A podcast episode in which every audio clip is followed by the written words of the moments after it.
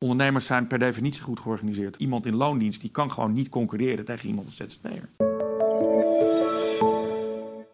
Welkom bij Profile. Onze ondernemende gast vandaag is Julius Kousbroek, oprichter van We Pay People en uh, jonge denker namens het uh, bedrijfsleven.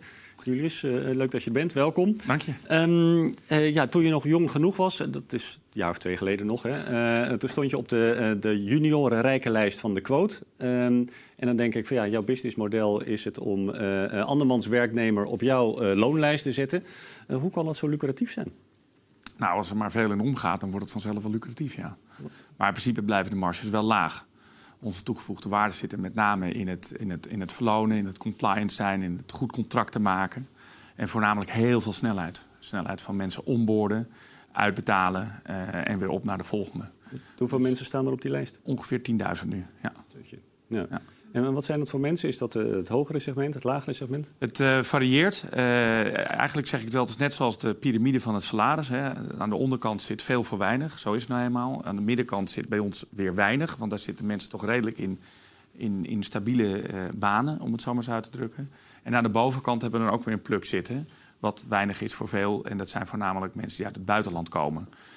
en dan, dan niet per se de, de Poolse medewerkers in de kassen maar meer de uh, ja, hoger opgeleide ICT-mensen, mensen die in vliegtuigen sleutelen, uh, dat soort dingen. Ja. ja.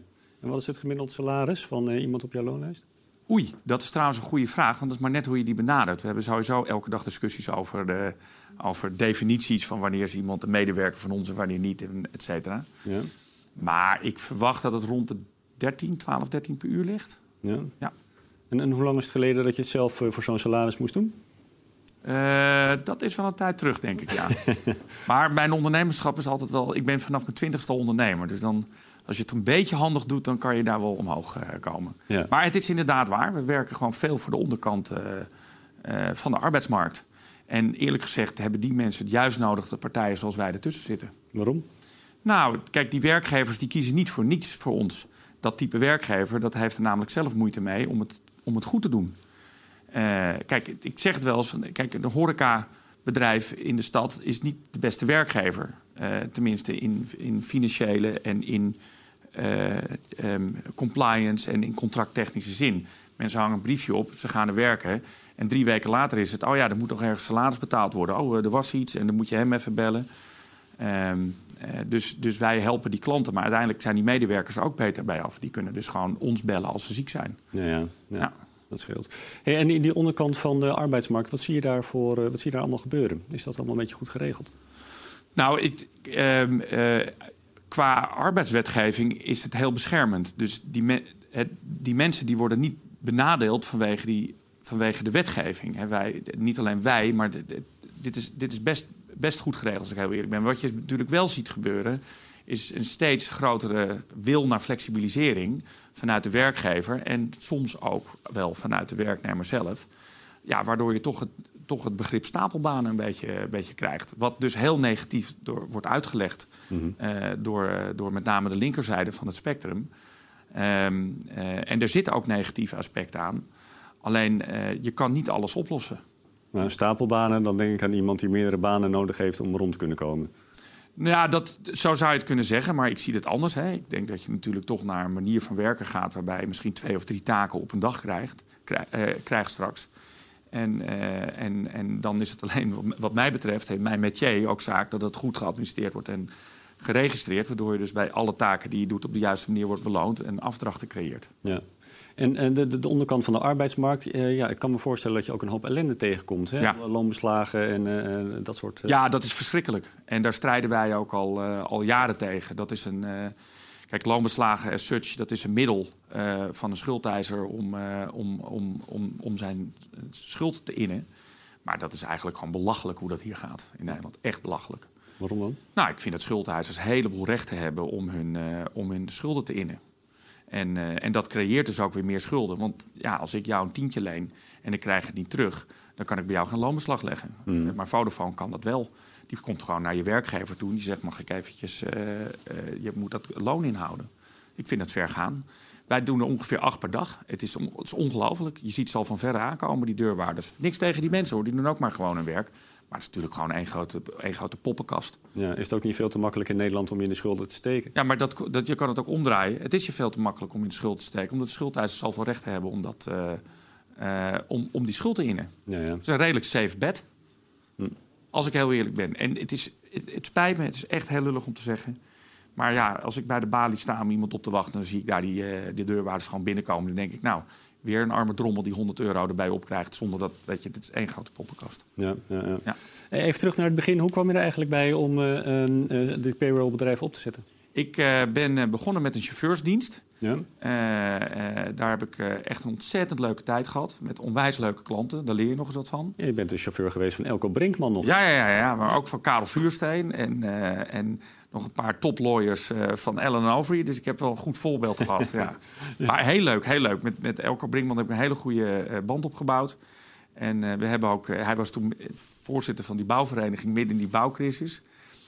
Dus uh, ik heb wel wat geleerd daar, ja. ja, ja. ja. Maar goed, dus je had die chauffeurdienst. Uh... Ja, had ik een mannetje of 20, 25 die studenten, die, waar het al moeilijk genoeg was om ze te laten komen opdagen. die had ik dus bij een payrollbedrijf gestald. Dat vond ik eigenlijk wel makkelijk. zodat daar het loon en het salaris werd geregeld en de uren werden verwerkt. en ik kreeg alleen de rekening. Dus dat was ideaal. Alleen het probleem was dat het payrollbedrijf, dat, dat groeide dus keihard. En ik kende die eigenaar ook ervan. Ik ken hem nog steeds trouwens goed. En uh, ja, hij ging wel ieder jaar een grotere auto rijden. En ik blijf gewoon chauffeur. Dus er zat wel een bepaalde. dat, dat, voelde, niet, uh, voelde niet helemaal goed.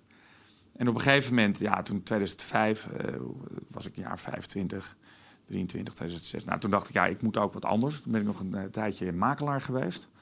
Dat was niks voor mij. ik heb het wel afgemaakt, de opleiding trouwens. Dat was wel grappig. Ja. En ehm, eh, daarna heb ik, dacht ik eigenlijk van ja, dat payroll, dat is, dat is, dat, er zit wel wat in. Toen heb ik mijn compagnon erbij gezocht en gevonden.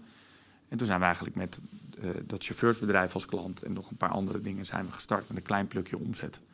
En uh, daarna is het eigenlijk keihard gegaan. Ja. Ik heb me wel eens laten vertellen dat je je zakelijk succes dankt aan de fax. Ja, dat was wel mooi. Dat was 2009 juni. Want in oktober werd die nieuwe telecomwet van kracht. En dan mocht je niet meer zomaar spammen. Waaronder ook faxen. Dus wij hadden op, uh, op het laatst hadden wij een, uh, nog zo'n zo bedrijf dat die faxmailings verzorgt. Wat we hadden het eerste paar zelf keer lopen pielen met modems, waardoor alle computers uitgingen. Dat schoot niet echt heel erg op. Ja. Dus belden we toch maar een bedrijf. Ja, die wilde dan, uh, weet ik wel, 10.000 euro hebben. Maar we zeiden van ja, maar jij bent over een paar weken out of business. Ja, dat was dan wel zo. Dus kan je ons niet even helpen? moet die factuur nog een keer opzoeken. Maar volgens mij hebben we toen voor 2500 euro 100.000 faxen kunnen versturen. Het heeft bomen gekost, maar goed. Nou ja, goed. Nee, ja, en wat inkpatronen trouwens. Want daar kregen we nog uh, daar kregen we behoorlijk gezeur van. Want dat, na een jaar, na dato, bleven mensen nog bellen... omdat ze dan toevallig weer een nieuw inkpatroon in dat ding hadden gestopt. en begon alsnog die faxen eruit te komen rollen. Dat was echt lachen. Mhm. En iedereen had nog een faxnummer. Dus uh, weet je, elke keer als mensen weer dat ding ergens in de stekker staan... dan begon het ding te ratelen. Nee, maar het heeft onwijs veel uh, klanten opgeleverd. En er stond eigenlijk niks anders. We zijn de beste en we zijn de goedkoopste. Hm. En het was heerlijk, want die, die payrolling-markt was niet zo transparant. De pricing daarvan althans. Dus de, wat je... Wat je ja, hoe, hoe die tariefstructuur in elkaar zat. En wij waren de eerste die daar keihard transparant in waren. Ja, want ik zat nog te denken, het lijkt me nog best wel lastig om in deze sector eh, echt je ondernemerschap op het bedrijf te drukken. Omdat het natuurlijk heel erg uh, gereguleerd is, uh, stel ik me allemaal zo voor. Ehm, terwijl jij bekend staat als een mega eigenwijs persoon.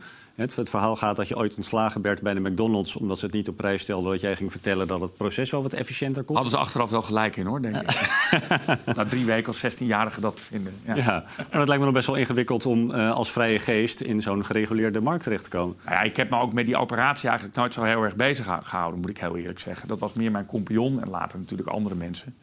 Ik zeg wel gekscherend, we hebben een prachtige portal... ik ben er zelf nog nooit op ingelogd, dat is trouwens echt waar... Ja. Terwijl er waarschijnlijk het meeste investeringsgeld naartoe gaat van het hele bedrijf.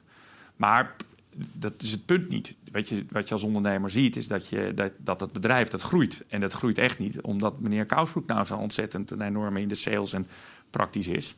Nee, dat groeit omdat er een behoefte is. Dus als je naar die behoefte gaat kijken, dan, dan volgt de doorontwikkeling van die dienst zelf. En ik vind die behoefte leuk. Ik vind dat interessant, dat aspect ervan. En ik, ik zei al, je bent uh, te oud voor uh, de junioren rijkenlijst van de quote. Je bent ook te oud om het voorzitterschap te blijven bekleden van ja. de jongerenvereniging van VNO-NCW. Ja. dat was je tot je veertigste, geloof ik, hè? Ja, ze hebben een. eh, ik was, ik was, eh, was vorig jaar. Dus formeel was ik 41 toen ik aftrad. Ze hebben in het verleden hebben ze een keer waarschijnlijk die 40 met een jaar opgehoogd. omdat er wat kastekort in de vereniging waren. dat is de beste manier om je omzet te vergroten. Ja. We weten het niet, de geschiedenis vertelt het niet. Eh, dat heb ik eh, drie jaar gedaan. En daarvoor drie jaar in het algemeen bestuur of dagelijks bestuur. En dat, daar heb ik echt heel veel plezier en lol van gehad. Ja. Ja. De eerste even, we zijn natuurlijk allemaal wel bekend met de situatie van de vakbonden. hè. Je ziet dat het aantal leden enorm terugloopt, dat het eigenlijk geen eh, een machtsfactor meer is als je naar de eh, concrete aantallen kijkt. Is dat bij de ondernemers ook zo? Of zijn Nee. die nog wel wel steeds goed georganiseerd? Ondernemers zijn per definitie goed georganiseerd. Hm. Dat heb ik altijd al gevonden. Hm. Ehm, eh, die hebben gewoon hun belangen hebben ze best wel gestructureerd ondergebracht. En natuurlijk zou je natuurlijk in een crisis wel eens zien, maar ondernemers klitten altijd bij elkaar op het moment dat ze denken dat er een gezamenlijk belang is. Ja, ja. Echt. Ja. Nee, dit is echt goed georganiseerd. En de kennis bij VNO is enorm.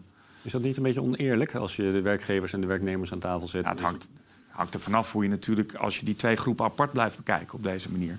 Maar uiteindelijk is het heel lastig. Weet je, een, een onderneming heeft, heeft gezamenlijke eh, eh, belangen.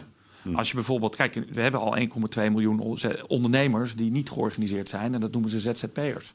En daar zie je dat dus datzelfde gebeurt als bij, die, bij, bij werknemers in loondienst. Die kunnen zich eigenlijk nauwelijks organiseren. Waarom? Er is gewoon te weinig gezamenlijk belang. Ja, ja, die ZZP'ers, daar ben je niet zo groot fan van. En ik heb je wel eens eh, horen roepen, eh zelfstandigen zonder premie. Want, En pensioen. Ja. een pensioen, want je hebt wel eens een onderzoekje laten verrichten... waaruit bleek dat 40% van de ZZP'ers eh, geen inkomstenbelasting betaalt. Hè? Nou ja, ik, dat weet je, je kan, dat- dat is gewoon het CBS wat die cijfers opleverde. Dus dat was mooi makkelijk. Het was ook geen duur onderzoek, moet ik zeggen. Dus met dank aan de overheid. ja. Nee, dat is natuurlijk gewoon idioot wat hier gebeurt. Hm. Ja, in Nederland dan. Maar dat, je kan ook zeggen van nou, het zijn eh, eh, schijnwerklozen die heel veel Nee, moeite ze hebben zijn niet om werkloos. de eindjes aan elkaar te knopen. Maar jij zegt dat ze juist.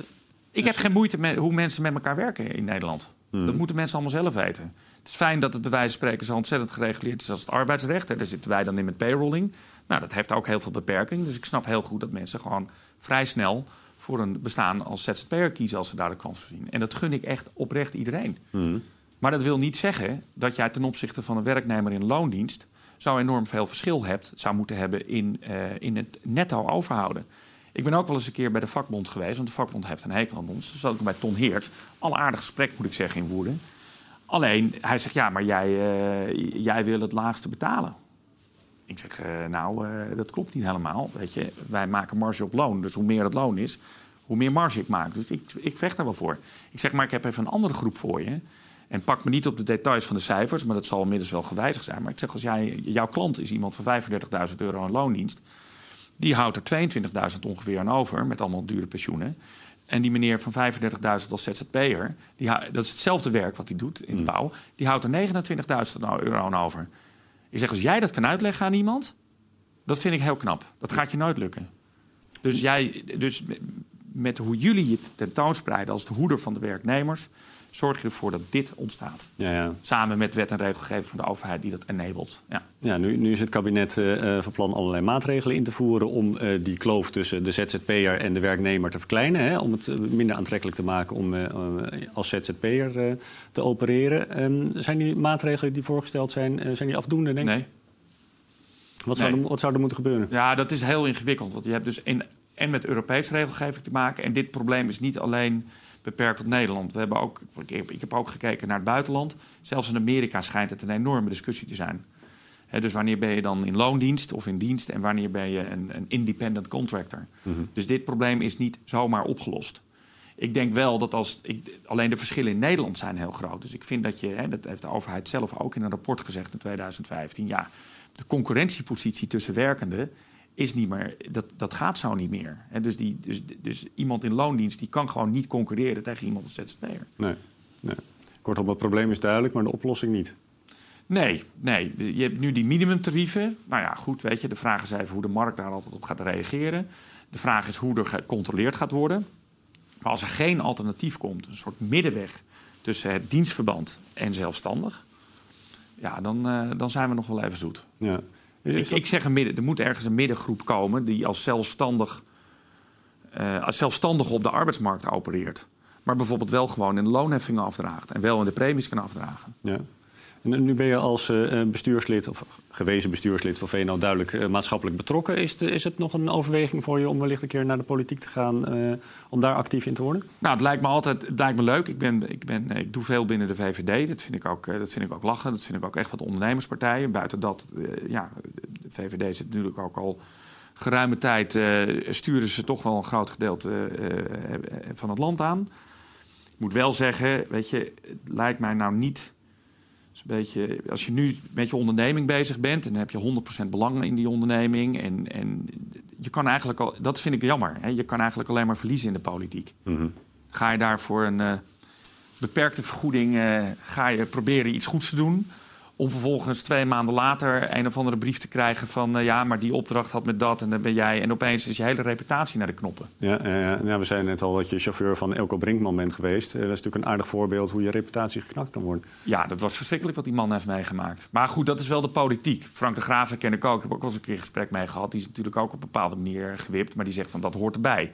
Maar natuurlijk als ondernemer heb je geen zin dat je hele reputatie gewoon in één En het vervelende is, je maakt als ondernemer altijd dingen mee die gaan achtervolgen. En tot slot nog heel eventjes uh, terugblikkend op je periode bij VNO. En is het een beetje uh, goed geregeld in het in ondernemersland? Of lopen daar ook allemaal problemen die hoognodig aangepakt moeten worden? Nee, de, de, er zit heel veel kennis op de arbeidsmarkt. Dat dekt ook een heel groot gedeelte af. Hè, want iedereen doet nog wel heel gekscherend over die CEO. Maar heel veel ondernemingen zijn er gewoon best wel blij mee... dat die onderhandelingen nog steeds op dat niveau... ook met de bonden wordt gevoerd. Ja. Echt waardevol qua kennis. Uh, voor de grotere, middelgrote bedrijven, die hebben zich natuurlijk altijd weer wat beter georganiseerd uh, dan het MKB. En daar geldt natuurlijk ook weer voor, omdat er eigenlijk iets te veel belangen zijn. Dus ik snap dat VNO, maar ook MKB Nederland, want iets in de name, uh, haar best moet doen om de belangen van het MKB-bedrijf op te pakken. Maar dat is best lastig. Buiten dat, de toekomst zal ook veel meer kleinere bedrijven zijn. Ja. Dus ik denk wel dat het nog een uitdaging wordt om al die kleinere bedrijven. Je ziet het nu aan Picnic bijvoorbeeld ook. Hè? Dat is dan natuurlijk een bedrijf met veel geld erachter en dat gaat als een malle. En dan komt er een discussie. Ja, maar wacht even, dat hoort, jij hoort bij de supermarktbranche. Nee, we horen bij de distributie. Dus je, je, dat, dat zal nog een uitdaging worden. Ja, uh, duidelijk. Ja. Gaan kijken hoe het uh, verder gaat. Julius, leuk dat je er was. Dankjewel. Ja, geen dank. En zin in meer gesprekken? Um, dan is het misschien het handigst om je even te abonneren op ons uh, YouTube-kanaal... want dan komen ze vanzelf voorbij. Tot de volgende keer.